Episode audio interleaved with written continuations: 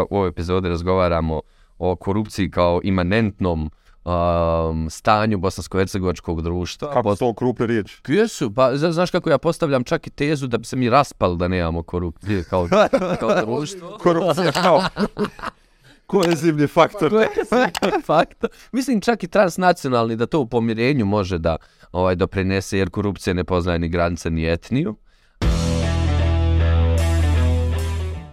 Dobro večer, evo nas opet u ovom uh, najljepšem formatu. Danas sam posebno, ovaj, danas neću biti grub prema kolegi Namiru. A, neću, Kao ga, inače. neću, ga is, ovaj, neću umanjivati njegovu važnost u besedama. Je Ja isto nikada nisam radio u životu. Jel tako, Imere? izuzetno važan. A vrlo brzo vam donosimo jedne lijepe vijesti za, za, za step by step i obrazovnu zajednicu, ali sačekat ćemo još malo da, da to onako pompozno najavimo. Zadovoljstvo mi je s kolegom Namirom Ibrahimovićem još jednom ući u super serijal Besjeda. E, Hvala glavnom voditelju i glavnom svebu što se događa unutar ovdje i sjajni, sjajni ovaj, voditelji, o, ne znam da li kad niko mogao bolji sjediti na ovom mom suvoditeljskom mjestu, fenomenalni, neponovljivi i uvijek nenadmašni Nedim Krajišnik. Ale te puno. Nažalost, ovu emisiju moramo, a, ovu epizodu moramo ići potpuno transparentno. Do kraja emisije ćete saznat kolika su nam primanja, koliki su nam rashodi, o, dokazat ćemo svaku marku utrošenu u ovu epizodu, nužno moramo, jer, će, jer ovdje preko puta nas stoji, a, sjedi, prije svega naš drug, Srđan Blagovčan, dobro nam došao. On je Došao. došao. Jako mi je drago da ste me pozvali e, emisiju, ali sam se malo uplašio odmah na početku kada sam vidio kako jedan drugog ovaj, hvalite. Tako mi reći.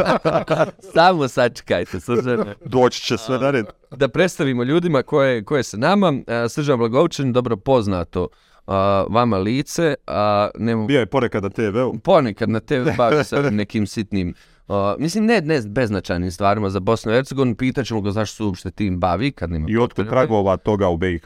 Da, poput nekih tema kao korupcija, transparentnost, a, pa i tranzicija, pa politika, pa uh, policy, pa ne znam ti šta već, mislim da zato nema potrebe, ali evo daćemo mu priliku kroz ove sate više da nam objasni svrhu svog postojanja. Inače, predsjednik upravnog odbora Transparency International, ako se ne varam, Ne varaš se. o, a, jedne vrlo hrabre organizacije za koje smo zahvalni što postoji uopšte, jer takvi glasovi teško da bi došli autentično iz bosansko-hercegovačkog društva. U ovoj epizodi razgovaramo o korupciji kao imanentnom um, stanju bosansko-hercegovačkog društva. Kako su to krupne riječi? Jesu, pa zna- znaš kako ja postavljam čak i tezu da bi se mi raspali da nemamo korupcije kao, kao društvo. Korupcija kao kohezivni faktor. To je fakt. Mislim čak i transnacionalni da to u pomirenju može da ovaj doprinese jer korupcija ne poznaje ni granice ni etniju.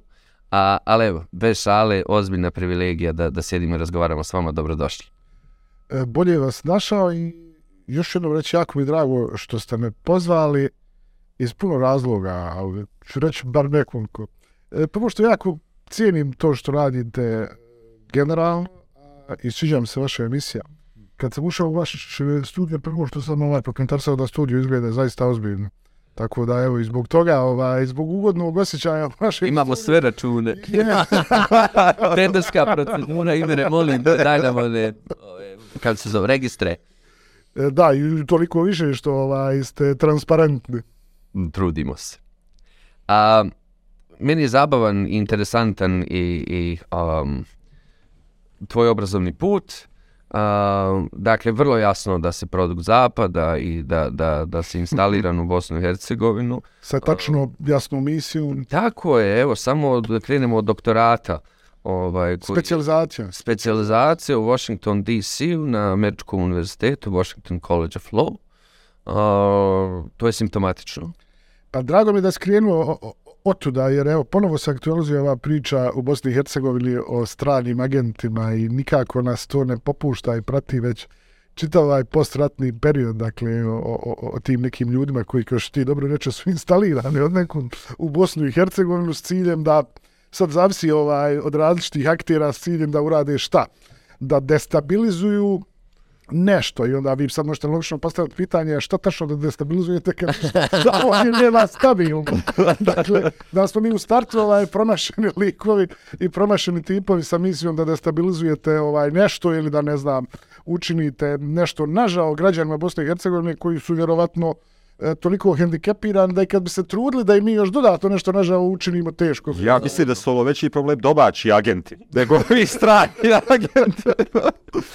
Pa složio bi se s tobom i mislim da ti domaći agenti puno više štete nanose e, od nas. Evo, o, rećemo da, da ne možemo isključiti da i mi ne nanosimo neku štetu ovaj, svim silnim ovim stvarima e, kojim se bavimo već nekih, evo, kako smo prisutni u Bosni i Hercegovini, više od 20 godina.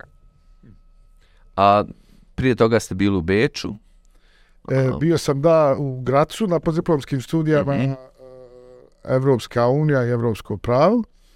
A prije toga sam uh, osjetio, dakle, i ovu ljepotu bosansko-hercegovačkog obrazovanja. E, to nas interesuje. Tako da, Da sam, ste pobjegli.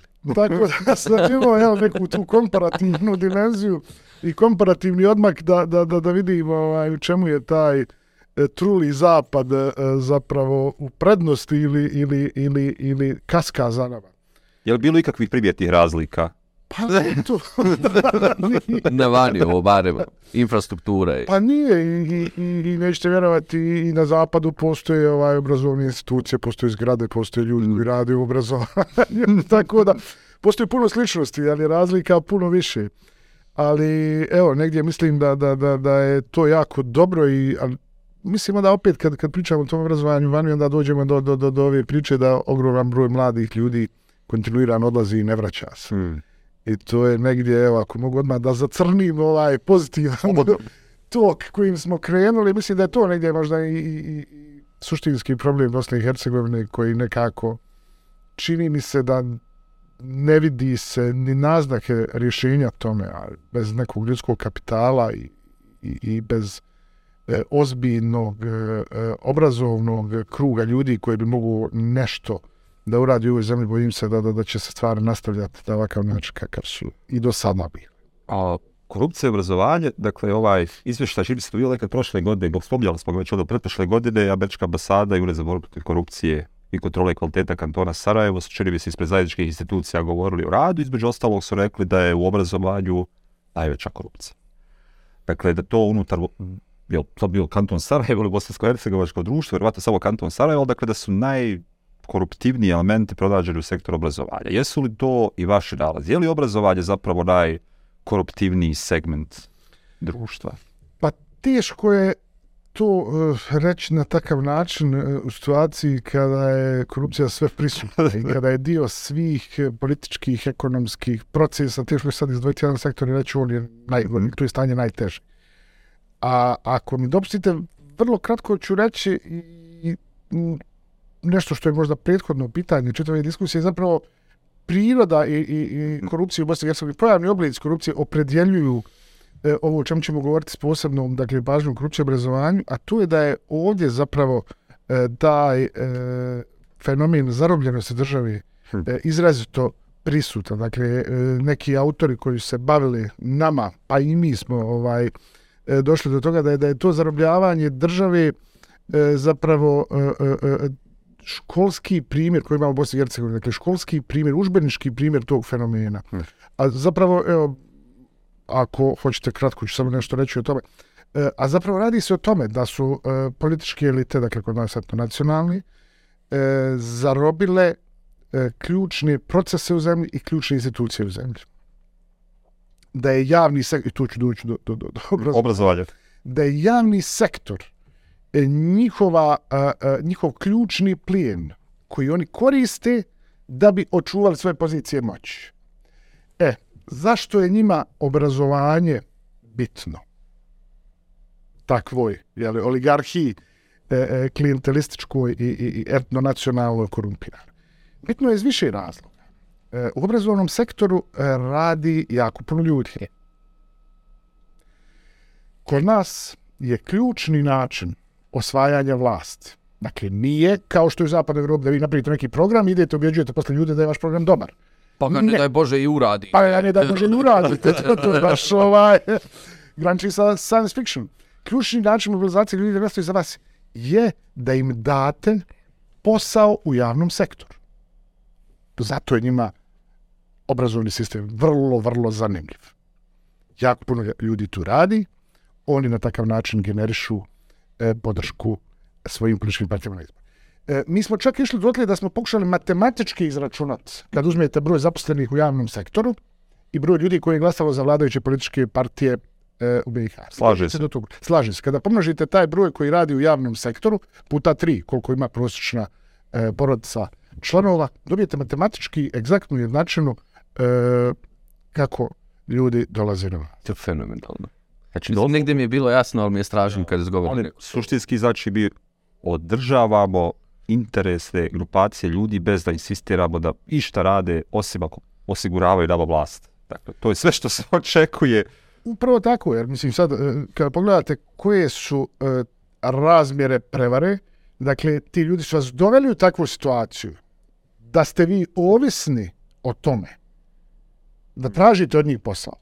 Da, da, da, da. da. Ugovor s džavolom, da biste živjeli, ugovor s džavolom. Ali kada uđete u taj ugovor s džavolom, onda morate i vi Da nešto date. svoju stranu Tako tog dogovora. Date Odnosno- dušu. Tako, je, tako je. Date dušu i, i žrtvujete zapravo sve ostalo što bi bio jedan kvalitetan život bilo kog pojedinca u ovoj državi. I dugo, e, to je Vlastite djece. i vlastite djece. Odlično, odlično mi je Nedim dao šlagvort e, kada e, uzmete zašto je, pitanje je bilo da li je korupcija najizraženija u obrazovanju. Možda nije najizraženija jer je možda podjednako izražena kao i ostalim dijelom javnog sektora, ali su posljedice najviše devastirajuće. Mhm. Upravo što je Nedim rekao, jer su posljedice dramatične i dugoročne.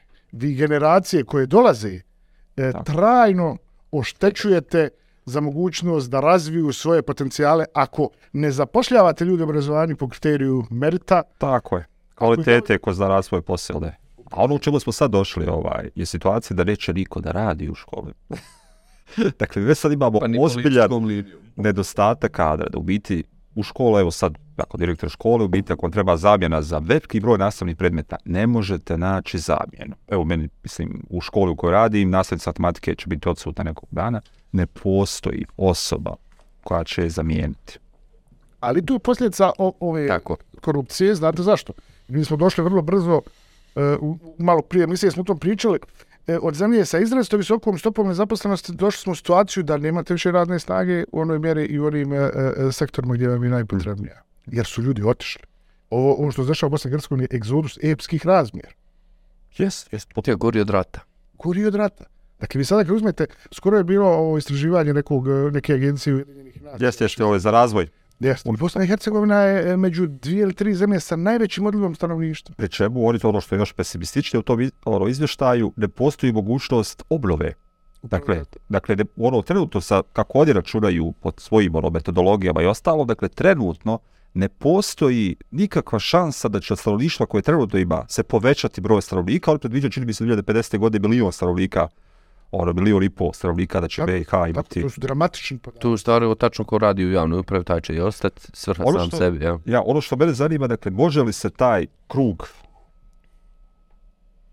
politike i zapošljavanja u javnom sektoru prelomiti? Postoje li načini, postoje li modaliteti, postoje li mogućnosti da se u nekom trenutku ovaj krug slomi na nekom mjestu? Pa znate kako, i, i u teoriji, ovaj, i u praksi, ovaj fenomen zarobljene države i, i ovih klijentelističkih mreža je, je pitanje koje se jako teško rješava. Vi ste imali nekoliko različitih teorija e, koje u praksi se nisu pokazale ovaj kao efektivne, ali ono oko čega se slaže, barem najveći broj mm -hmm. i praktičara i ljudi koji se akademski bave tim je da je zapravo za ovakvo stanje e, demokratizacija društva jedini izlaz. Hm.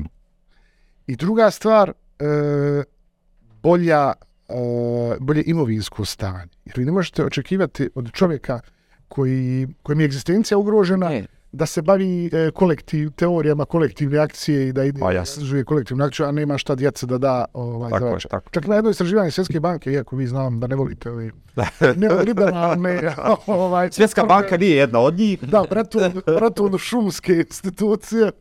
Ovaj, ali ona je, mislim, i da to ima smisla, ovaj, istraživanje da, da, da je negdje granica 4 ili 5 hiljada dolara per capita e, gdje ljudi onda počnu razmišljati o malo široj slici o nekom društvenom aktivizmu. Ali to imaju vrijeme, imaju slobodu, nisu pritisnuti ono stvarima da moraju raditi, osiguravati, brinuti se o egzistenciji i tako dalje, mogu da misle o sebi, da misle o društvu, da misle... Ali e, mislim da nama ono što se dešava u okruženju e, ne ide u prilog, Mm. da ćemo se mi tako lako izboriti sa, sa ovakvim problemima.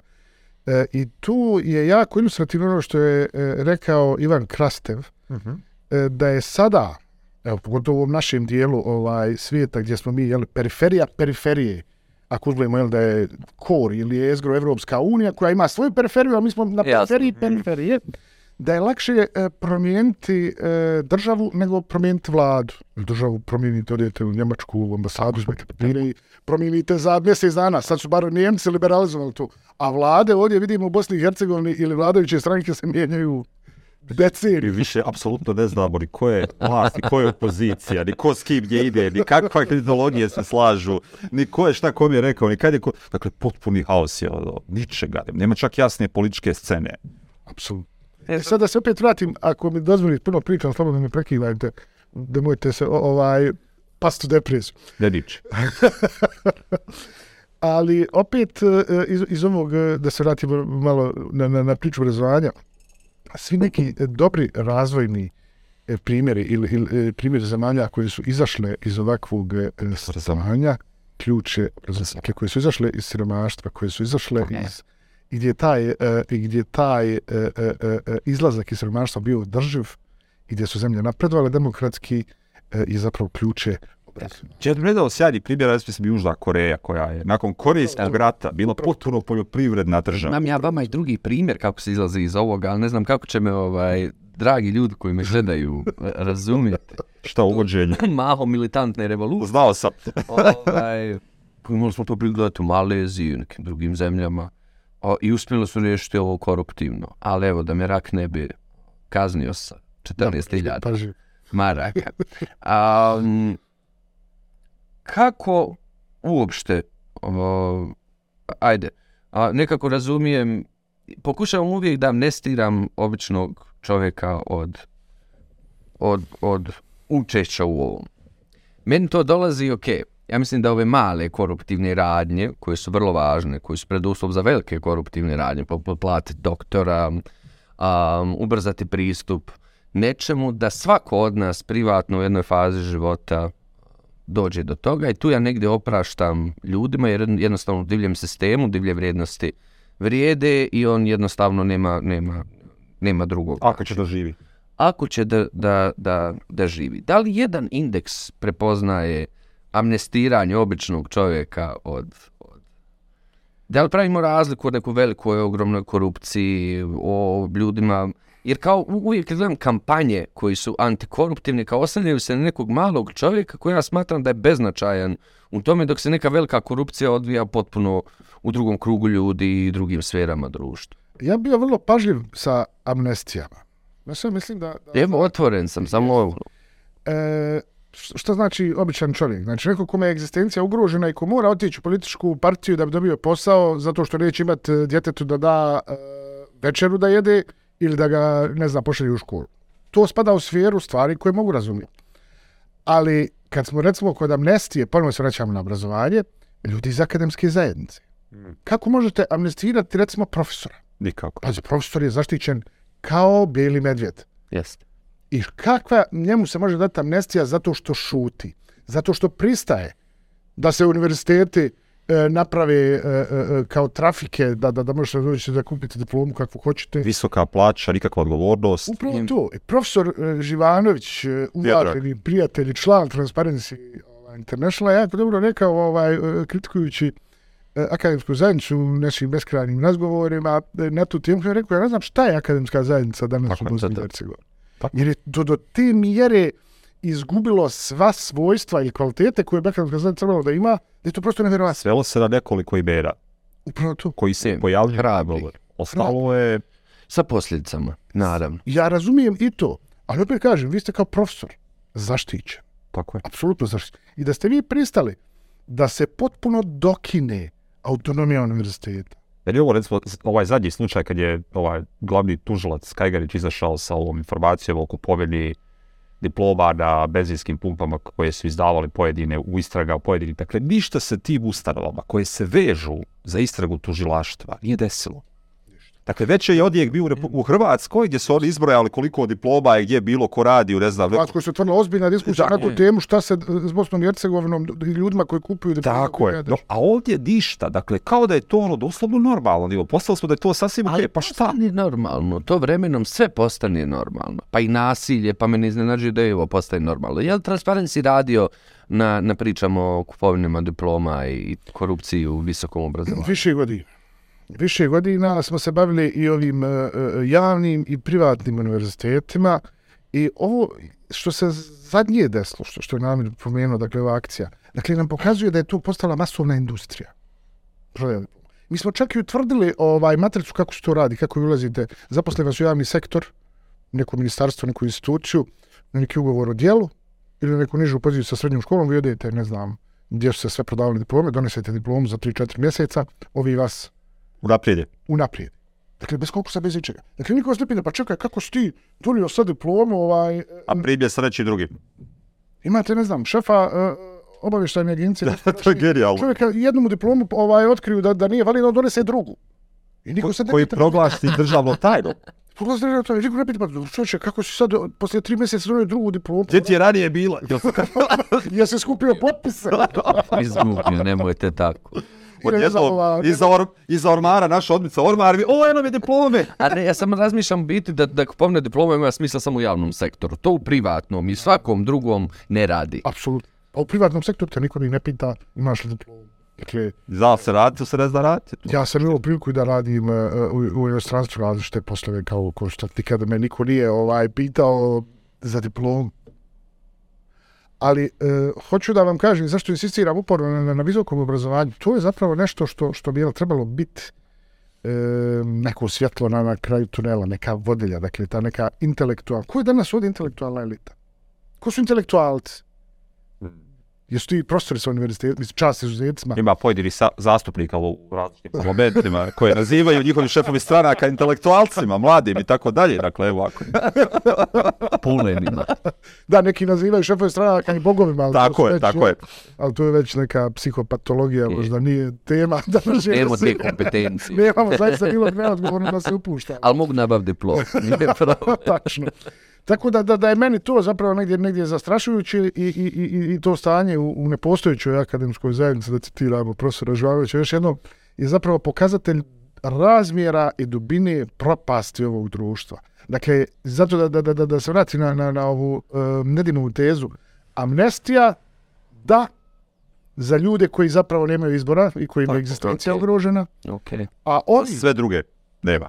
Apsolutno nema amnestije. Ima, i meni je to nekako ogledalo da onog trenutka kad mi izjednačimo njihove diplome sa diplomama ljudi koji su ozbiljno, ozbiljno To se, ja razumijem onda vrlo jasno put kako ti devalviraš čitavu ideju o obrazovanju, kojim gubiš volju, kojim roditelji mijenjaju a, ploče, pa kažu nemoj dijete, to idi ima lakši put, vidiš da nema nikakvih posljedica. Odatle mi je jasno i beskrajno tužno. Evo, ne znam šta da kažem. Beskrajno tužno prema hiljadama druge djece koja, koja su pošteno svoje znanje zaradili. Evo. ali i, i onda ne možeš e, ni osuđivati, kad smo kod tog osuda i amnestija, e, onda ne možeš osuđivati te mlade ljude koji odlaze.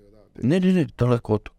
I ono što je isto zanimljivo u zadnjem, ono izvješće spominjali smo nekoliko puta, u zadnjem izvještaju o razlozima odlaska pojavljuje se obrazovanje, odnosno nekvalitetno obrazovanje kao Što je super. jedan u visoku prioritetima ovih prvih pet dakle, razloga zašto neko odlazi odavde.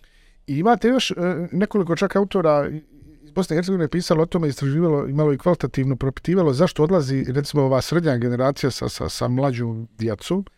Koja Ja ima dobar posao, ima, Ima dobar posao, a tamo ide da radi lošiji posao hoće da živi u društvu za svoje dijete koje je Zbog uređenije. djece. Tako. zbog djece. Dakle, da odrasta u prirodnom društvu, evo, koliko može biti u ovom datom cepenu razvoja Tako. civilizacije. Dakle, ljudi svjesno idu u žrtvovanje svoje karijere, ovdje rade, ne znam, u bankama, ne znam, advokate, a tamo idu da rade, ne znam, poslove koji su Niže kri- nivoa. složenosti, Da. kako god, ali podjednako ili više plaćeni, da bi djecu obezbijeli budućnost. I to je tragedija, to je tragedija ovog, ovog društva. I zato su zaista odgovorni svi oni koji vode državu u ovom slučaju. Se ne radi o pojedincima koji to biraju, nego zapravo onima koji nisu osigurali uvjete da takva vrsta ljudi, ili bilo koja vrsta ljudi ostaje unutar save države. Da vidi smisao postojanja države kao tak. Da, ako, ako pođemo, znate, svi se pustaju u državu, ali, ali kad pogledate, kad svedete stvari na ono što, što je e, država je u nekom savremenom smislu, kao svi su neki e, patrioti, Je, je, narativ zastavice. kreira, država, država, to smo mi. Ali kad dođete sad da, da, da, dakle, na taj neko, neko pitanje društvenog ugovora ili tu nešto što, što država daje vama, jel, kao neki servis, jel, država kao abstrakcija treba da svoje postojanje potvrdi u smislu tom da, da vam daje nešto zašto plaza, da ređuje sigurnost, da ređuje Tako. Rješava probleme koji se pojave u nekom trenutku. Porodični. Pomiče prepreke, granice i sve ostalo, tako da... Ajmo blic ovo. U svojoj karijeri u Transparency, koji te podatak najviše a, o, gdje si otišao kući ono, otplaku? Pa znaš kako, kad, kad smo ima, imamo centar za pravnu pomoć, Mhm. u Transparency International koji radi već godinama i ljudi se mogu prijavljivati putem naše, evo da iskoristim da promovišem centar 0805 Sigurno. petica i putem maila, imamo i web stranicu prijav korupciju. E, po, najdramatičniji mi podatak bio, taj slučaj da prije nekoliko godina je bio, kada su ljudi e, nam se žalili u tom centru da se traži posao za, za posao u rudniku ili za, ne znam, posao čistačice, e, da su se žalili na te procedure jer su e, i takvi poslovi dodjeljivani po stranačkoj pripadnosti ili zamjeni za novac. Da. Dakle, Da. onda dođe situacija da, da idete da Da. rizikujete ili da radite u rudniku, da rizikujete život I još platite za to. i još platite za to. Dakle, i negdje to je vjerovatno i ono i pitanje nekog e, e, samorazumijevanja dostojanstva ljudskog, št- na kojoj do koje granice su ljudi spremni da vas e, ponižavaju i, i, i, i ne znam, izlažu u nekoj poruzi. Kakve Privatiziraju efekte a, vaši redovni izvještaj koje objavljujete, pogotovo ovaj godišnji izvještaj o korupciji, ili tako? Indeks. Indeks, kako, ka, kakve efekte proizvodi?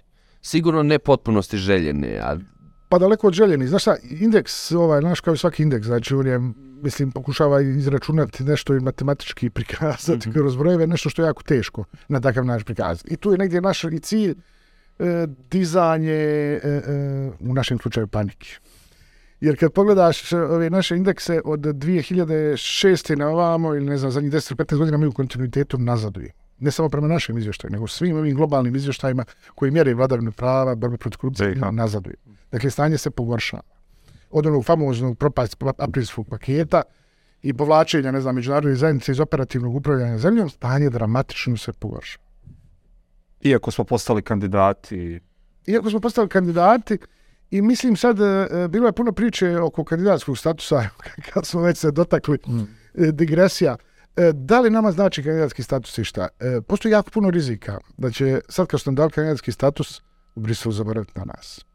Mi nismo dobili kandidatski status zato što smo išta uradili sve što treba. ne, ne, Ili išta što nego zato što je sad ovaj Euroskepticizam nikad veći. apsolutno, pa pogledajte Srbiju, u Srbiji nikad veći. I kod nas on e, čini mi se da je u porastu. Jes, tu, pola, Jeste. 50%. Nažalost, zbog ovog svega što se dešava i zbog ruske agresije na Ukrajinu, EU je stavila geopolitičke naočare, sad posmatra stvari.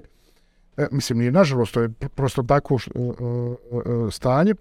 E, I onda je zapravo mislila da će dajući kandidat status Bosne i Hercegovine nešto nama pomoći. Bojim se da to nije slučaj. Jer kad pogledate šta se desilo sada nakon tog kandidatskog statusa, desilo se jedno veliko ništa. Ništa. Sve je stalo. Sve je stalo. Evo čak imamo najave potpuno suludih sjevernokorejskih e, zakona u Republici Srpskoj. Da li će to doprinijeti ikakvom napretku?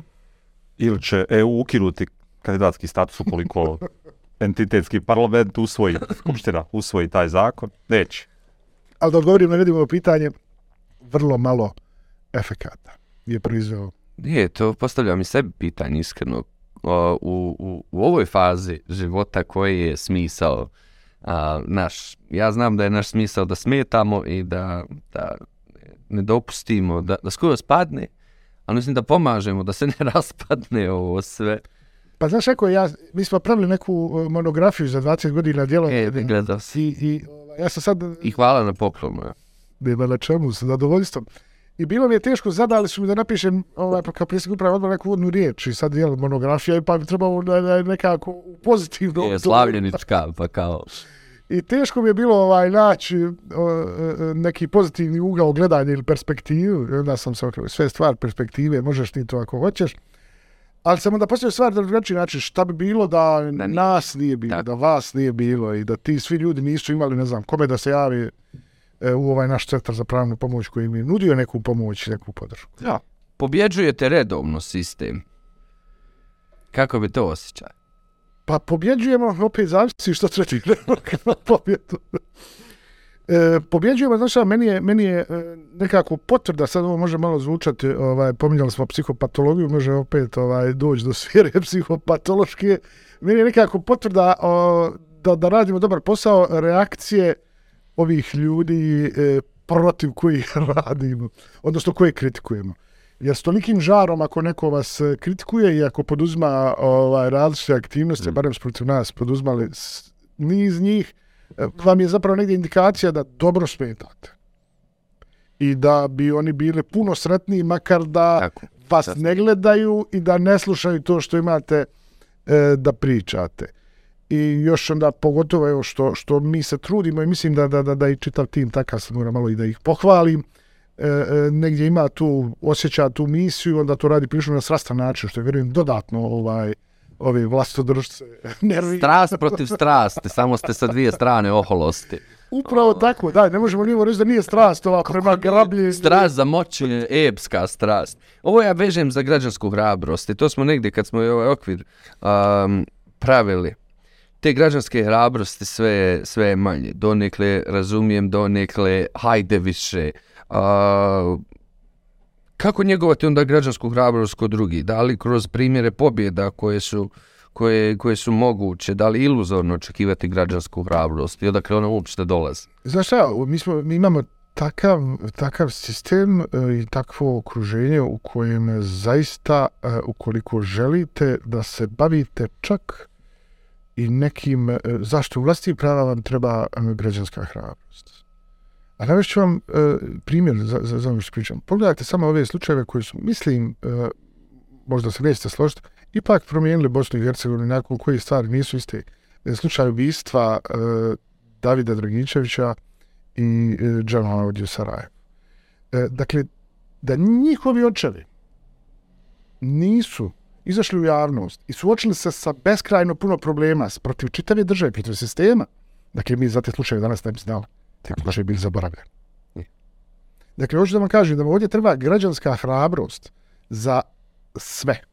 Da biste živjeli u Bosni i Hercegovini treba je građanska hrabrost. Da.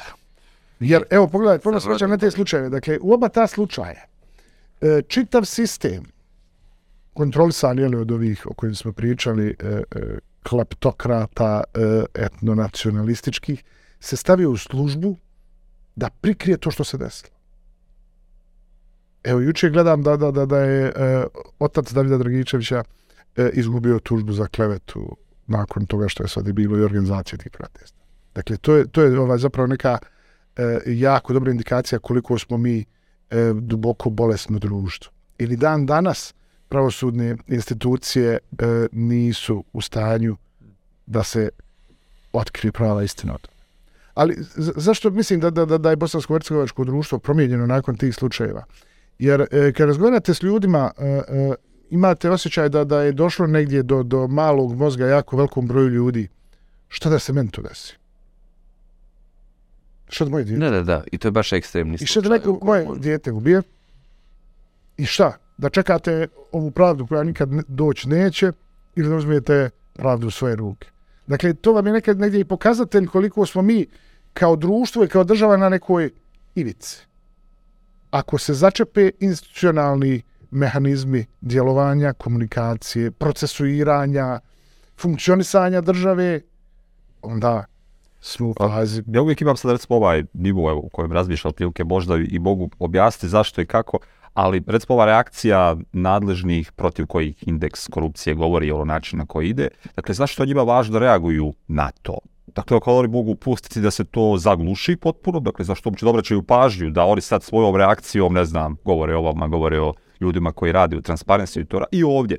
Dakle, zar im nije bilo, ne znam, jednostavnije riješiti taj slučaj ili prešutjeti, ne, ili ako treba već, ok, nova istraga, zna se šta se je desilo, ok, taj pojedinac je kriv, odgovoran za to i završena priča. Dakle, zašto im u ovom konceptu uopće treba zatezanje? Da li da drugi šute i da im pokažu primjerom šta će se dogoditi u nekom trenutku ili jednostavno ne mogu iz vlastitog ega prešutjeti da im je neko u lice pokazao ono šta pogrešno rade. Pa mislim da, da, da oba razloga. Dakle, M, M, M vlastiti ego ne dopušta da, da neko u javnom prostoru argumentovano vama govori da radite to što radite, a drugo, mislim da, da, da nastoje da sklone tu temu sa, sa, sa, sa dnevnog reda, optužujući vas, Da. loptu. Jer oni nikad ne kažu samo e, nije to tačno što vi pričate. Nego vi ste to i to radili iz tih metodologija. tih razloga. Tako je. Vi ste to ovaj kao plaćnik, instruisan s ciljem rušenja ustavnog poretka, rušenja države, entiteta, kantona, opštine, ne znam čega. Dakle, on vas stavlja određeni ovaj narativ iz kog vi dolazite da učinite nažao ne samo njemu, jer on je tu neko ko Nego predstavlja narodu koje je, i on je to sve što radi, radi za narod i tu, dakle, društvenu zajednicu koju predstavlja, a vi ste neko ko dolazi iz polja sa e, užasno lošim namjerama da zaustavi ovaj neviđeni napredak Jeste koji se dešava. ovdje i da se sve te vrijednosti koje ovo društvo izgradilo je način poruši, Tako. da to bude tako. A s druge strane, čitava ova priča, sad i to je jel opet pitanje mentaliteta, teške su riječi, ali načina u kojem mi ćemo formalno mahati zastavama i kleti se u entitet države ili bilo šta kome je šta drago u ovoj državi, a s druge strane ćemo učiniti sve da zeznemo državu. Da ne platimo porez, da uzmemo nešto što nam ne pripada od države u datom trenutku, da ono napravimo bilo kakvu štetu. Na trotoaru i pali iza četiri, Jeste. te, to me jako. Eto, te sve stvari. Dakle, isto ono, neka vrsta, pa, da ne govorimo sad da koristimo teške riječi, ali zaista ono, Ja mislim porem- da, da, da je neki dubo, dublji e, uzrok tih pojava e, jedno užasno nepovjerenje koje postoji e, u našem društvu, bosansko društvu. E, nepovjerenje svakog prema svakom. Hmm. nepovjerenje prema državi, prema institucijama, s potpuno s razlogom. Vi kad pogledate ovdje, u zadnjih 20 godina, ovi građani su bili izvarani na svakom mogućem Yes. koraku. Stara devizna štednja, sertifikati, ne znam, sve je bilo prevara, sve je bilo obmana, sve je bilo laž. I naravno da ćete stvoriti kod ljudi potpuno nepovjerenje prema institucijama vlasti. Nepovjerenje ljudi jedni prema drugima nepovjerenje e, prema e, grupa ljudi, prema drugim grupama ljudi. Dakle, to je i u teoriji, a vidimo i u praksi, dakle, situacija iz koje je jako teško izaći. Neka kolektivna akcija je gotovo nemoguća u takvoj situaciji, jer mislim da ću vas onaj e, preko puta privatiti da ću stvariti Iako me paveo, paveo me s nekim razlogom. bez razloga ništa.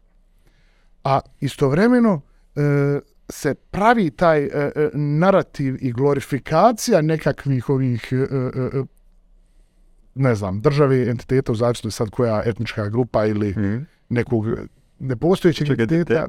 Jeste. Ali mislim da je to tek e, prevara epskih razmjera. Jer vi kada pogledate ovdje e, i ta priča o, o, o nacionalnim interesima i, i stavljanju u funkciju, dakle, ti političkih lidera u zaštitu nacionalnih interesa, pa odavde ljudi idu u zemlje gdje im se ne štiti vitalni nacionalni interes. Kako? Kakav on ima vit... Komu štiti e, vitalni nacionalni interes u Njemačkoj? Ne može ni svoj jezik da priča.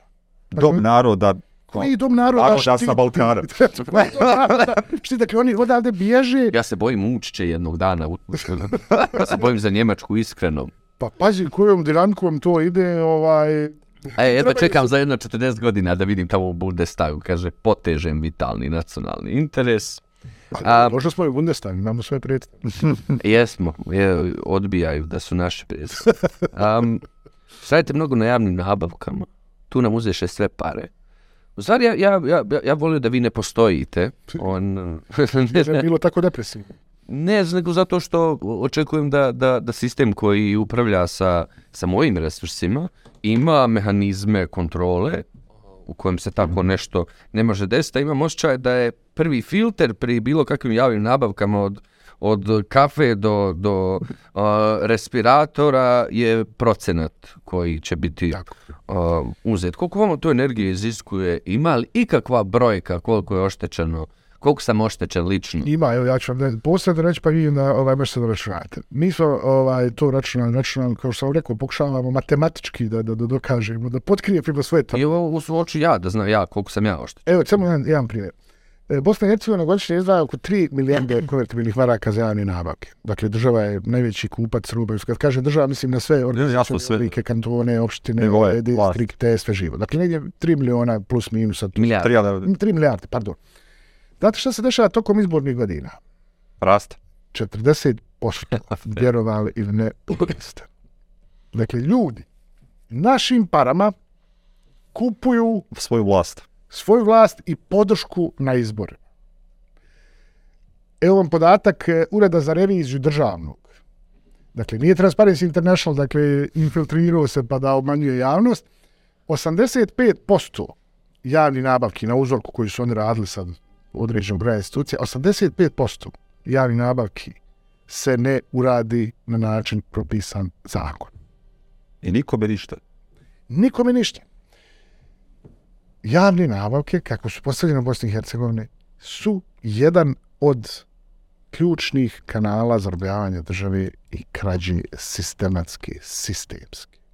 I ono što ja uporno govorim, ovdje smo mi, isto, isto je to dio jedne manipulacije e, o, o sistemski koju smo mi ubačeni kao onu veš mašinu, naš pa centrifuga, pa na stalno zato pravi nema para, ne kriza. Ja tvrdim da para ima Pa i za školu. i za školu. I da bude puno bolja. Apsolutno. Evo ti podaci, vi sigurno to znate bolje od mene. Koliki se procenat GDP-a u Bosni i Hercegovini troši na obrazovanje? Gotovo najveći. Gotovo najveći. Dakle, ne možete reći da nemate para kad gledate brojke. Ali problem... Šta Kako iz- o, ova tvoja svjetska banka nam je preporučila da previše trošimo na obrazovanje. Upravo zato. Upravo zato vam govorim. Dakle, mi trošimo ja ili na zdravstveni sistem. Dakle, mi trošimo više od prosjeka. Ne znam koji oni uzmaju nama prosjek regiona ili ne znam šire Europe. A kada dođete na konačni rezultat, Ovdje je, kad se u izveštaju ovaj razvoj agencije UN-a, dakle za ovo koje smo spominjali vezano za, za populaciju i ostalo, kad su govorili o obrazovanju, zapravo utvrdili i da u osnovnom i da u srednjom i da u visokom obrazovanju više od hiljadu zaposlenih je višak. Kada se uzme broj učenika, studenta, dakle za svakom nivou obrazovanja je mnogo više zaposlenih nego što bi stvarno trebalo. E sad, što niko nije pokušao da sredi tu vrstu sistema. A drugi ovaj nivo, kad uzmemo evo, federaciju, dakle samo ukidanjem političkih funkcija ili spajanjem u pojedinim kantorima, mislim da bi se oslobodio ogroman novac ono, za milion drugih stvari koji su ono... Pa pazi, ali evo sad kad, kad, kad pomenu to ure- uređenje federacije, pa zar nije potpuno uh, van svake pameti da, da, da, da visoko obrazovanje bude na nivou kantona?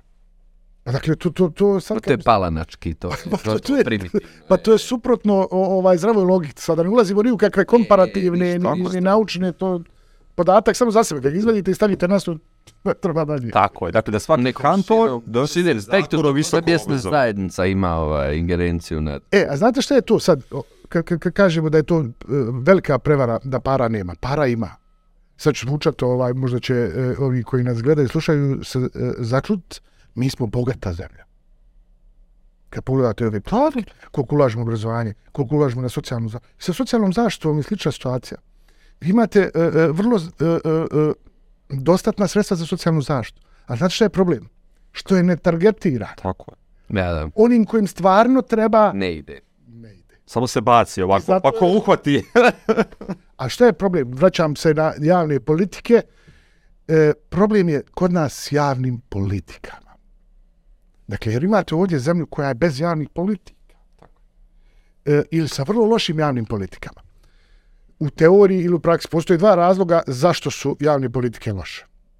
Ili da ne znate nešto da uradite, da vam fali kapacitet, da vam fali znanja, da vam fali e, resurs, dakle, da nemate kapacitet da nešto uradite, ne znam, da napravite autoput, nemate inženjera, ne znate računati, ne znate, nemate mašina. Druga, da neko ima privatni interes zbog toga što su javne politike takve. Tako. Na našu nesreću, To je ovaj drugi. Do, uvijek je drugi. s tim da ima primjer sa ovog prvog, ali kor problema je ovaj drugi. Tako. Pa uvezli bismo ko što u Srbiji uvoze Norvežane. Šta?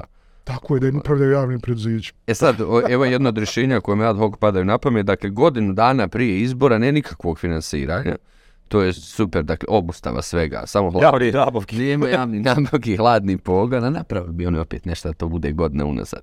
A, predlagali ste vjerovatno rješenje za, za um, koncept javnih nabavki gdje najviše para mi u stvari gubimo. Predlagali smo i puno rješenja, ovaj, ali, ali jedno ovo što je, što je nama zanimljivo za javne nabavke, e, koje nije ovaj, nikakva topla voda. Mi sve ovo što prilažemo nije nikakva topla voda, sve negdje ljudi pr, pr, primijenili već. A e, zove se centralizacija i digitalizacija. Ok. Znači, znači centralizacija. Centralizacija da ima, recimo, na nivou kantona Sarajevo, jedan ured koji se bavi javnim nabavkama. I samo radi to. Da ne nabavlja svaka škola, svaki dom zdravlja, svaka Tako. pošta, svak, jer tu svako može sa svakim Dogovorite. imate dakle ljude stručnjake, vi iz škole njima dostavite šta vam treba oni godine. Plan nabavke. Plan. I pasite, tako prošli puno jeftiniji. Jer nabavljali na, Tako je. prošli puno jeftiniji. Mogu bi dosadni transparency, primaknuti stolicu, sjeti za stolom i prati sve to.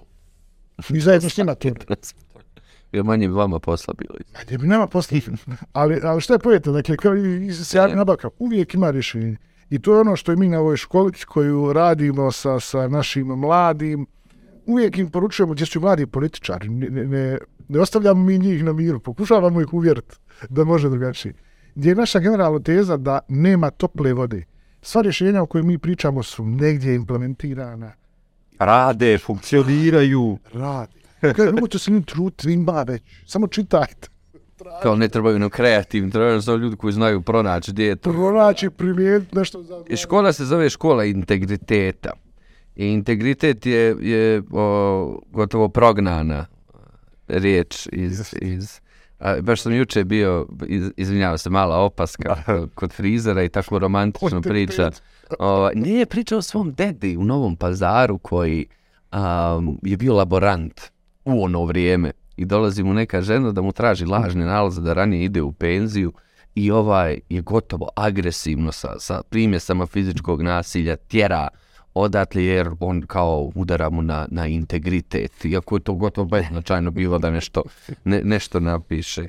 A kako vratiti integritet, ono što govore ili sramotu, javni prostor? Ima li ovi ljudi s kojim vi radite, ima li ti sudija, tužioca koji dalje imaju integritet po cijenu svega? Ima, ali opet treba me, evo, opet treba me, ja, postoji, sam već pominjao, puno manipulacije u nekom, ovoj našoj javnoj sferi, javnom prostoru, puno mistifikacije, puno, puno uh, manipulacije. Ja tvrdim, sad evo, i to će možda zvučati kontraverzno, da je većina ljudi koja radi u sudu, tužilaštvu, poštena i radi odgovor na svoj posao. U javnom sektoru. Većina je poštena radi odgovor na svoj posao. Šta je problem? Problem je s ovim koji nisu pošteni koji ne radi odgovor na svoj posao, a koji su u poziciji moći. Mi smo radili jedno zanimljivo istraživanje koje je dobra ilustracija, gdje smo pričali sa sudijama i tužiocima. Pa dobro, ljudi ste svjesni kakva je situacija u pravosuđu, kako vas ljudi percipiraju, ne vjeruju vam, nula je povjerenje u pravosuđe, jeste svjesni, zašto je to tako? Vrlo visok procenat, ne sjećam se više tačno procenta, ali negdje oko 40% je navjelo autocenzuru. Da se ne bi zamjerili nekome. Ljudi se plaše. Jer nam kažu, imamo djecu, imamo poslove, imamo, živimo u nekoj društvenoj zajednici. Kakav će to izazvati efekat ukoliko mi e, e, krenemo da procesuiramo nekog od političkih e, e, lidera? Pa sjetite se, bio je jedan objavljen snimak kada je tužiteljka ovaj, e, e, rekla u komunikaciji, činim se, sa, sa, sa šefom tadašnjim tajne službe, nemojte kor visoku korupciju kao ne radimo. Jer znate već da ne radimo visoku korupciju. Da, da, da da. Jer i, i to može... Jedan u portfolio. Je u portfolio, ajde vidimo. Godišnji plan rada ne podrazumijeva visoku korupciju. Yes, to je plan. Mene bi samo zanimalo- To pošteno isto da kažem. Mene bi samo- Ako to stavi na papir... I stavi i objavlja, moj da te neko tajno se. s njim. Tak, ne bavimo se. Mene bi samo zanimalo da vidi granicu te visoke korupcije. Koja je to njihova granica po kojoj rade? A gdje je ta granica od koje kreće? Radi transparency, nema pojma. To je to. Pa ne. Koja je to granica gdje će oni se... Pa realno nije. Usmrzli bi se vjerovatno kad bi Pa ne, te spoznao se na, na, na kontu. Da su razmjere, razmjere korupcije nezamislive. Znači, jedino rješenje se. Pa lakše je. Da nađemo državu Jedino. koja funkcionira. Ne, ne tvrdim da nije jedino. A, dobro, sad ako obrazovanju se kreće, o, i to sto puta ga, ja mislim 11. put da ga citiram, ako me Apple bude gledao, mislit će da sam zaljubljen u njega, a jesam, kognitivno. A, kaže, obrazovanje nije ništa drugo nego manifestacija društvenih vrijednosti. Kako onda obrazovanje da, da, da nametne vrijednost integriteta koju ja vidim kao kontrapunkt i korupciji i svemu, Pa jako teško, znaš šta, ja mislim da, da, da osim svih e, ovih stvari o kojima smo pričali, zašto, zašto ovim vladajućim oligarhijama treba obrazovanje, dakle kao neki generator podrške za vlast, njima je ono jako bitno za, za, za proizvođenje ovih narativa koje oni žele da se, da se e, vide i da budu prisutni u javnom prostoru.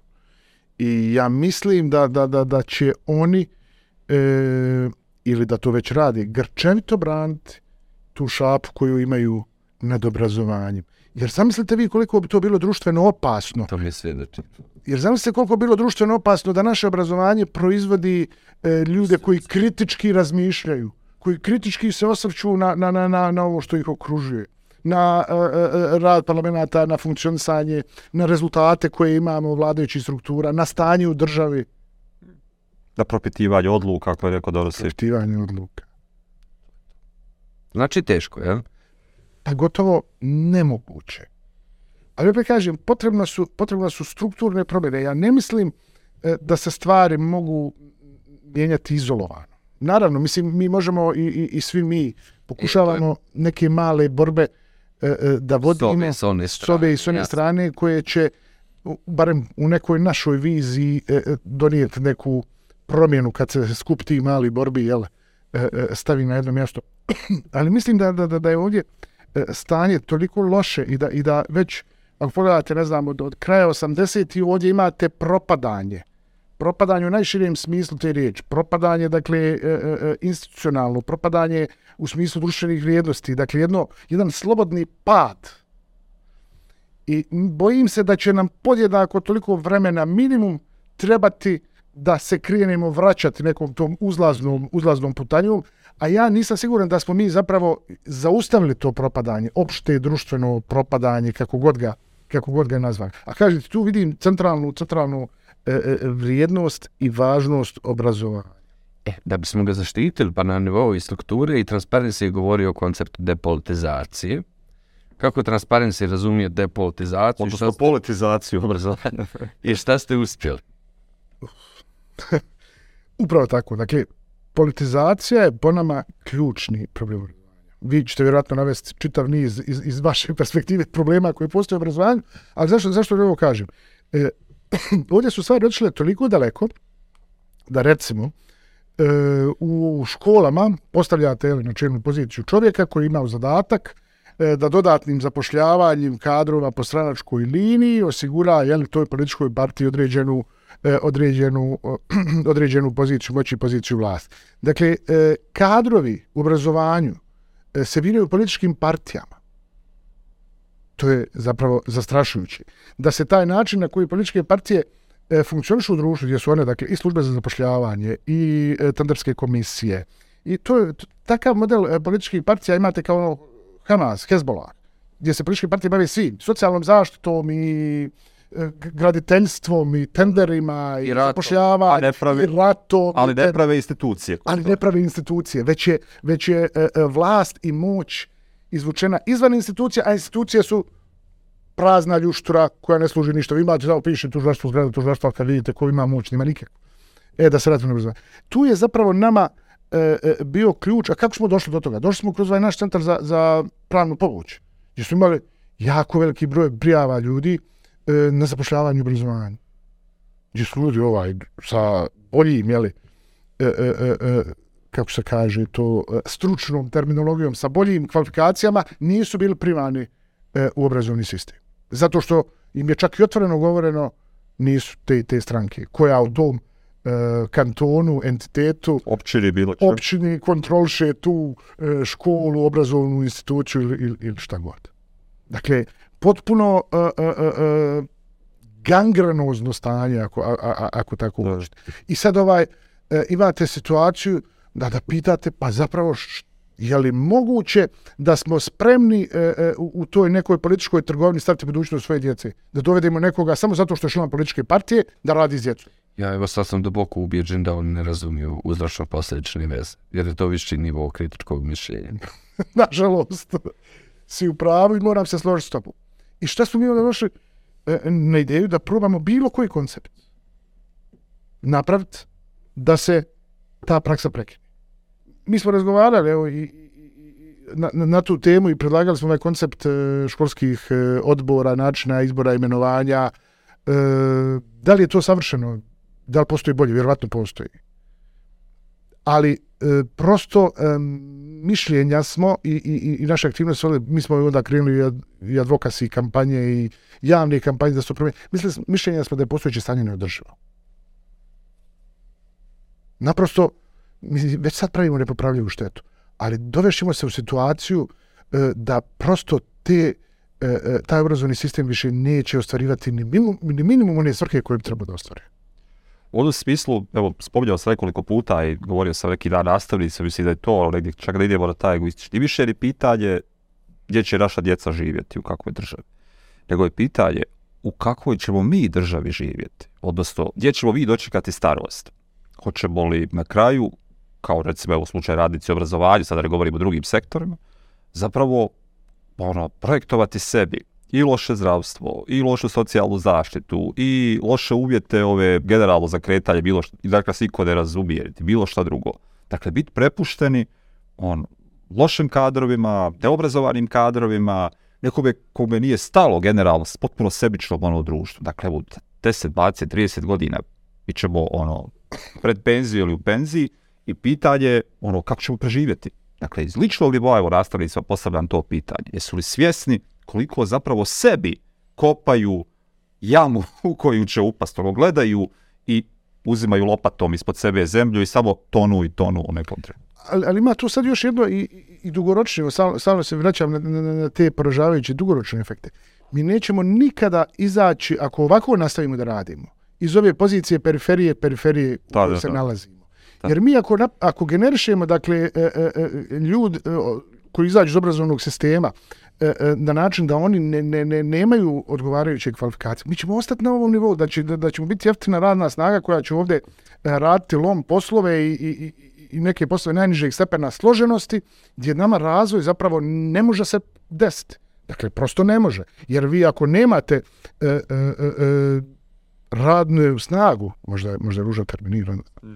ali mlade ljude koji su spremni da odgovore izazovima tržišta rada. Su spremni da rade, ajmo to pojednostaviti. Spremni da rade, bojim se da, da, da, da, da... I ono na kraju, sa žalom, ja uvijek to sjetim, dakle, i stvarno mi je to negdje važno da poredi bez da sad imam ne znam, neku nostalgiju za vremenima. Dakle, upoređujem 45. kad je završen drugi svjetski rat i evo, 73. godine Jugoslave. To je taj vremenski period od čega su krenuli i gdje su bili 73. godine, a od čega smo mi 95. godine krenuli i gdje smo 2023. godine. Tu mi je omiljena ovaj referentna tačka i hvala što se podsjetio. Meni je genijalno da su nakon e, drugog svjetskog rata e, taj e, e, e vodstvo te zemlje ili tog pokreta, taj bio pokret prije što je postala jel, zemlja, da se odlučilo da ide u jednu e, masovnu kampanju obesmiljavanja i obrazovanja. Da, većini pismenost bio 73. nego dana. Na čemu su startali sa minimalno 50% nepismenog stanovništva. Upravo to. Elementarno nepismenog stanovništva. Bez ikakve infrastrukture, škola, ono, visoko obrazovano kadra, moglo je, mislim, mislim da je bilo 50 ili je bilo sa neko imao doktorat ili pojma šta drugo. Dakle, bez univerziteta, bez, ono, i da se do 73. godine, ovo je bilo ozbiljno savremeno ono društvo koje je tadašnja država i po, već su počeli raspravljati o ne znam, nacionalnim pitanjima, redefiniranju ustava i, i ne znam šta sve ne. Ali to je jako dobar, dobar podatak kad uporedite sad ovaj stanje od, kod nas poslije toliko godina, ti si rekao da je više nepismenih sad, nego 70 neke i, i, i, da čovjek prosto shvati koje su razmjere i dubina naše propasti kao društva i države. Mislim, ne bi da se fatam za, za, za ovo više simbo, simbolično, mi imamo funkcionalno, ovo su bili elementarno nepismeni o, ljude, a mi imamo sad 50% funkcionalno. Da.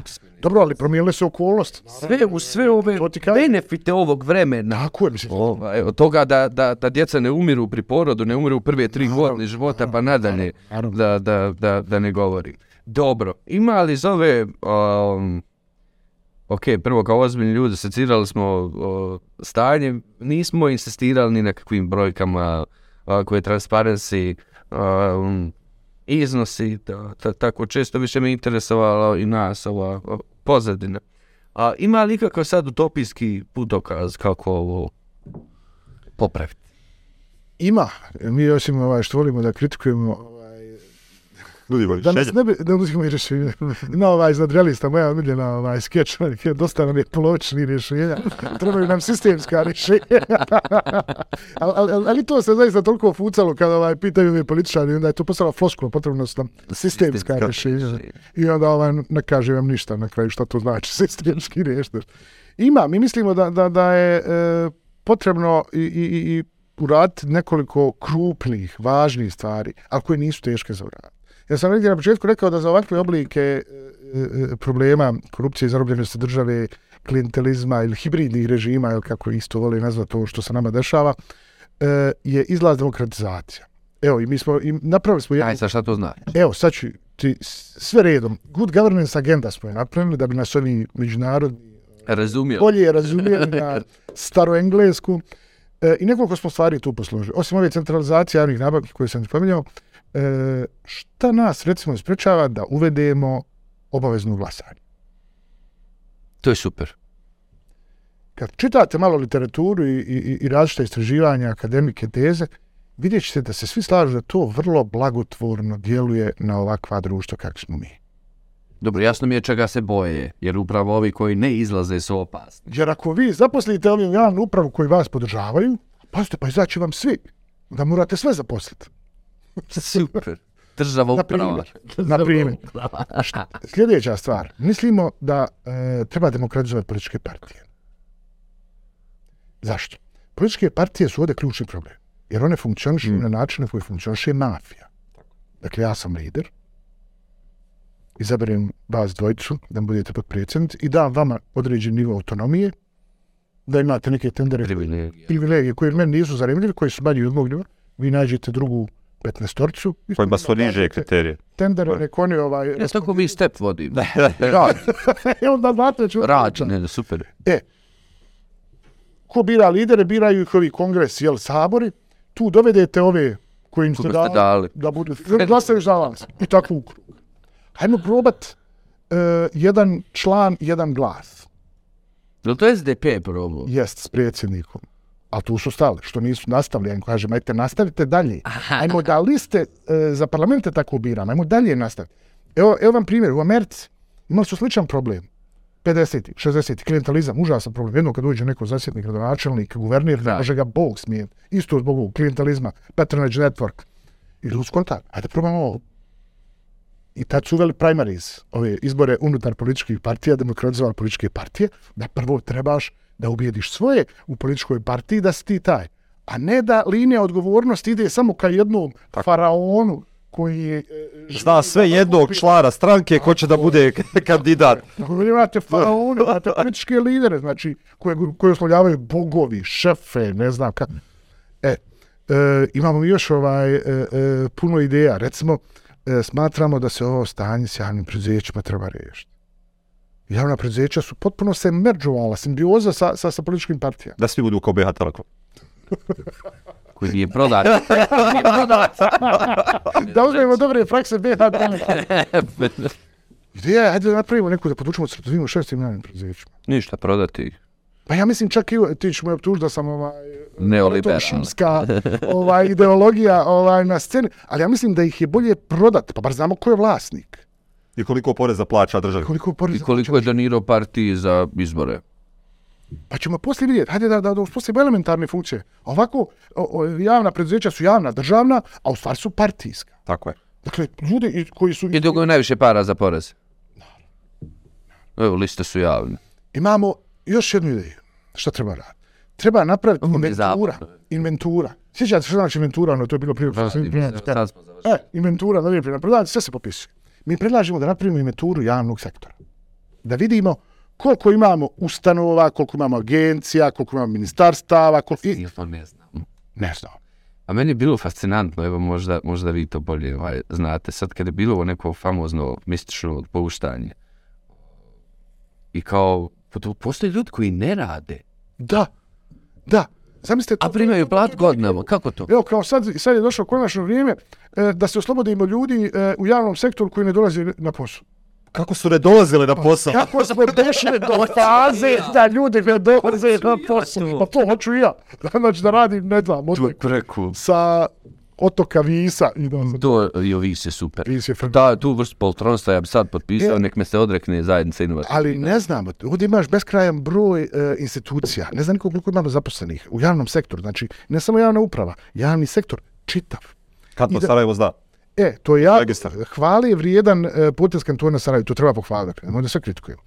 Ali, šta nedostaje sad u sljedećem koraku kantonu Sarajevo? Da se napravi funkcionalna analiza, da vidimo da li nam trebaju sve one institucije tamo. Šta radi? Ja sam isto bio šokiran kad sam otvorio onaj registar kantona Sarajevo. Ja veze nisam imao. Koje sve? Koje su sve agencije? Da... ustanove, agencije. I Mi smo radili neke procjene ovaj, kao nekakve test modele kako bi se to moglo raditi. Mi smo došli do toga da jedna trećina institucija i zaposlenih u. BiH potpuno besmislena. Jo. Potpuno, znači kao ono iz Alan Forda onaj. za- Jo, Ja bih sad citirao Borisa Dežulovića, ali bit ću vulgaran. Ne možeš u... Drža, državni zavod za... Nemoj slati. Ovdje su stvari zaista dovedene do, do, do, do potpunog apsurda. Neki dan čitam da, da agencija za upravljanje oduzetom imovinom u RS-u ima, e, ne znam, deset puta veći budžet od te imovine koje oduzete kojom upravlja. Dakle, vi ne možete, t- t- ne, ne pomažu ni ovi skečevi iz nadrealnih panela, mor, Tako. ovdje, ovdje je e, stvarnost i realnost puno ovaj ciničnija i, i Nego što bi ko ismijao to. Vi ne možete, prosto nemate više na- ni način ni da se s tim sprdate. Ako je to... ovaj, Do, može, to može. Do, do te mjere da više nije smiješno.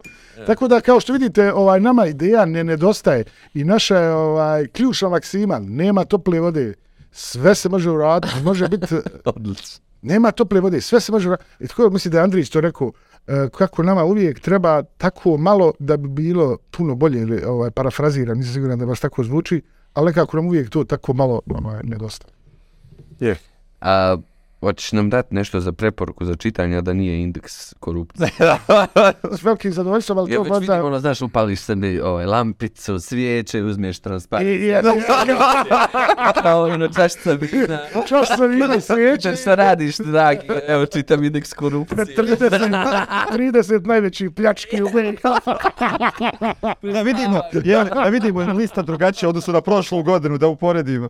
Dobro, možda malo pretencijozno bilo da dajem preporuke, ali mogu vam reći šta čitam. E, može Pa to. super. I, mislim, i, i, i ove i beletristiku i... To, to, super. Zato je namjer, ja ne čitam. Ja, ja sam kazao, Ja ne, da čitam. čitanja može. A, a, a ja vam evidentira šta čita. Neke knjige me poklon, dobro, ništa, onda ću ih vrat. E, pa od, od, od beletristike, e, zadnje što čitam e, novu od Hemona knjigu, Aha. e, nije još prevedena, e, World and uh, All It Holds, something Mhm. like that. E, čitao sam skoro, isto me oduševila, nisam je prije, nisam je prije bio dao priliku, Lejlu Slivani, i ona me oduševila. Šta, šta čitaš? Ovu sam pročito Zemlja drugih Drug zemlje drugih? i ova Baby, na engleskom sve to Baby, Ona nije prevedena. yes. A nije, jeste ova sa... s ubistvom e, malo. Jeste, jeste, djeteta ova... uh, Ti u vrtu ljuduždera je druga, nego se zove... Uh, sad ima ono, u naslovu, u prevodu. ovdje. Stavio- Fraktura izdala, Bajbuk je izdao, ono ima dakle... Čitao sam u engleskoj, znači stavio, stavio mozak. A od ovih, e, e, čitam e, dosta ovih e, nebeletrističkih. Šta sam zadnje čitao? Jaša Munk. A Great Experiment. Mhm. On je jedan genijalan mladi lik, e, ako ga niste čitali, toplo preporučam. E, A ovdje piše o ovim e, sve diversifikovanijim e, demokratijama na zapadu Mhm. i mogućnostima kako da one funkcionišu. I zapravo polazi od toga da, da, da su te migracije koje se dešavaju, jel, koje oblikuju Evropu, sve više i više i što su i uzrokovali u pojavu desnice i onda on nudi neka, neka rješenja koja on vidi načine kako da, da, da funkcioniše. E, novi e, Fukuyama, genijalan znam Dobro, da, da, da, nisam to. e, da ga vi ne volite. Nije da ga ne volim, ne, treba, Ko ne, ne se i ovi- neprijatelja treba poznavati, sve sam E, a, pročitao. Ja sam, ga jako ali- volim. e, on- Dobro, on je završio svoj posao u početku 90-ih, rekao, to je to, završili smo svijeta. kraj svijeta, dakle, otkud sad opet da nešto piše? liberalizam and its disconnect. Aha. I, I prije toga je ova identity isto, isto mu jako Kako? dobra, ovaj, gdje govori Mm. o tom uh, identity politikama i sve veću važnost koju poprimaju uh, uh, u ovim uh, uh, društvima, čak i na zapadu. I jedna uh, uh, o Evropi, Europe Coming of Age, Lukas Cukalis, jedan, uh, ako ga niste čitali, također ga toplo preporučam. Uh, Lukas Cukalis je profesor, uh, veliki posvećenik ideji Evropske unije i onako e, mi je lijepo ga čitati kao što kritikuje e, sve te pojave i probleme unutar Evropske unije onako sa nekom očinskom ovaj, ljubavnju i daje neke, neke e, smjernice i, i, i kako bi to prelazi. I mislim ima još puno ovaj, e, Sjajno. stvari, ali sačuvaj. ali ovo Neko slika- čita ovo. strašno. Što je taj? Evo, Čita. Evo ovako. tajni agent. To je još Agent tajni. instaliran. Znači, Strani tajni agent. Kako te neko instalira sa zapada ide ono ovako loading ono instalira. Pa to je sad ovo svjetovi aplikacija, to ne može reći neko da ne zna šta to znači. Ali te mogu jedan install. Mogu testi da instaliraju. A i možeš ostaneš na lujat. mogu te i remove from the trash. O, to je Znači, da. da. Znaš kako, pošto o, u duhu ovog transparentnog integriteta, molim te da kažeš ljudima koliko smo te platili da nam gostuješ, ovaj, da ne bi bilo... E, dobio sam e, kafu, ali vrlo dobra bila i čašu vode i na tome sam vam zahvalan. Nema na čemu. E, ovdje je otpremnica, evo samo da, da ovdje, pošto smo pripremili jedan poklon rokovnik, O, Uh, naš otpremnica, dakle, evo ga, rokovnik, količina 1, vrijednost 8, vrlo sam vam zahvalan. nabav na 6,5, tender proveden, predo, primio, srđan, evo, Vrlo sam da ne bude sutra sve sam pak vam- onako dijeli rokovnike Pa šakom ovo- kapo. Molim, svaka čast. samo treba Svaka čast. Svaka čast. I, i lijep je rokovnik. Koliko ljudi vide, ali je prelijep. Hvala puno. Što, hvala. Baš Hvala. hvala. Zadovoljstvo je bilo moje, ovaj, ali nadam se da vas nisam previše ono, Ne, bio, bio u pojam. Ne, ne, ne, ne možeš ti nas ubiti koliko mi sami sebe možemo. Koliko mi ubijamo gledatelje i sedmicu u sedmicu. tako, tako, znaš, taman Ili je imera. Taman se ljudi raspoložen kaj plus da da jednu besu. Depresiju. Sljedeće sedmice ljudi um, u studiju dolaze a, Rasko Moćnik, zahvaljujući Hani Čure, a, i dolazi nam Boris Buden, bit će zanimljivo jedno marksističko putovanje. A, radujem Još sam se vam- da i to vidiš. Još sam vam zahvalniji što sam ja kao neka predgrupa. Tako, Tako god. Ne bi bio pred grupa. Ko? A bio nam je laka, do, do, pravili smo antibesjedu, Laka je genijalna. Jeste. Laku ali nažalost nismo ga mogli pustiti u eter, Što? Pa da... Stavili smo ga na Patreon da zaštitimo maloljetne i ostale, tako da na Patreon. E, pa dobro, znači, to je, to je cenzura djelimična. nije Je. potpuna. Djelimična je. Ne, ja, laka. Već moraš plat da bi ga slušao. Na Patreonu su ovi naši, kako, pa Patreoni, dakle, koji finansiraju ove besede. Laka je sjajan, ja ga... Ja, I by the way, evo, I beskrajno je duhovit. u javnost da kažem da, da nisi na Patreonu, pa par dolara mjesečno ti ništa ne zna. Pa instaliran od zapada, još imaš dolarski, vjerovatno, račun, on Krvavi petro dolar. I krvavi. A znaš šta, možeš imaš i opciju za 50 dolara da nas ukinješ. O, Dakle, ako platiš, možeš nas ukinuti. 50 dolara. a nisam znao da Nije, to ni, mogu... moja žena je odlučila na to. Prisililo ga. Prestalo, zato sad snimamo, ne idemo uživo. Pa pazi, nije to visoka cijena za takvu nešto. E, zamisli. Zamisli. Sve najbolje. Hvala puno, hvala. Hvala Imere, hvala dobri čovječe. A, mi se vidimo već naredne a, sedmice. Samo transparent. Pozdrav.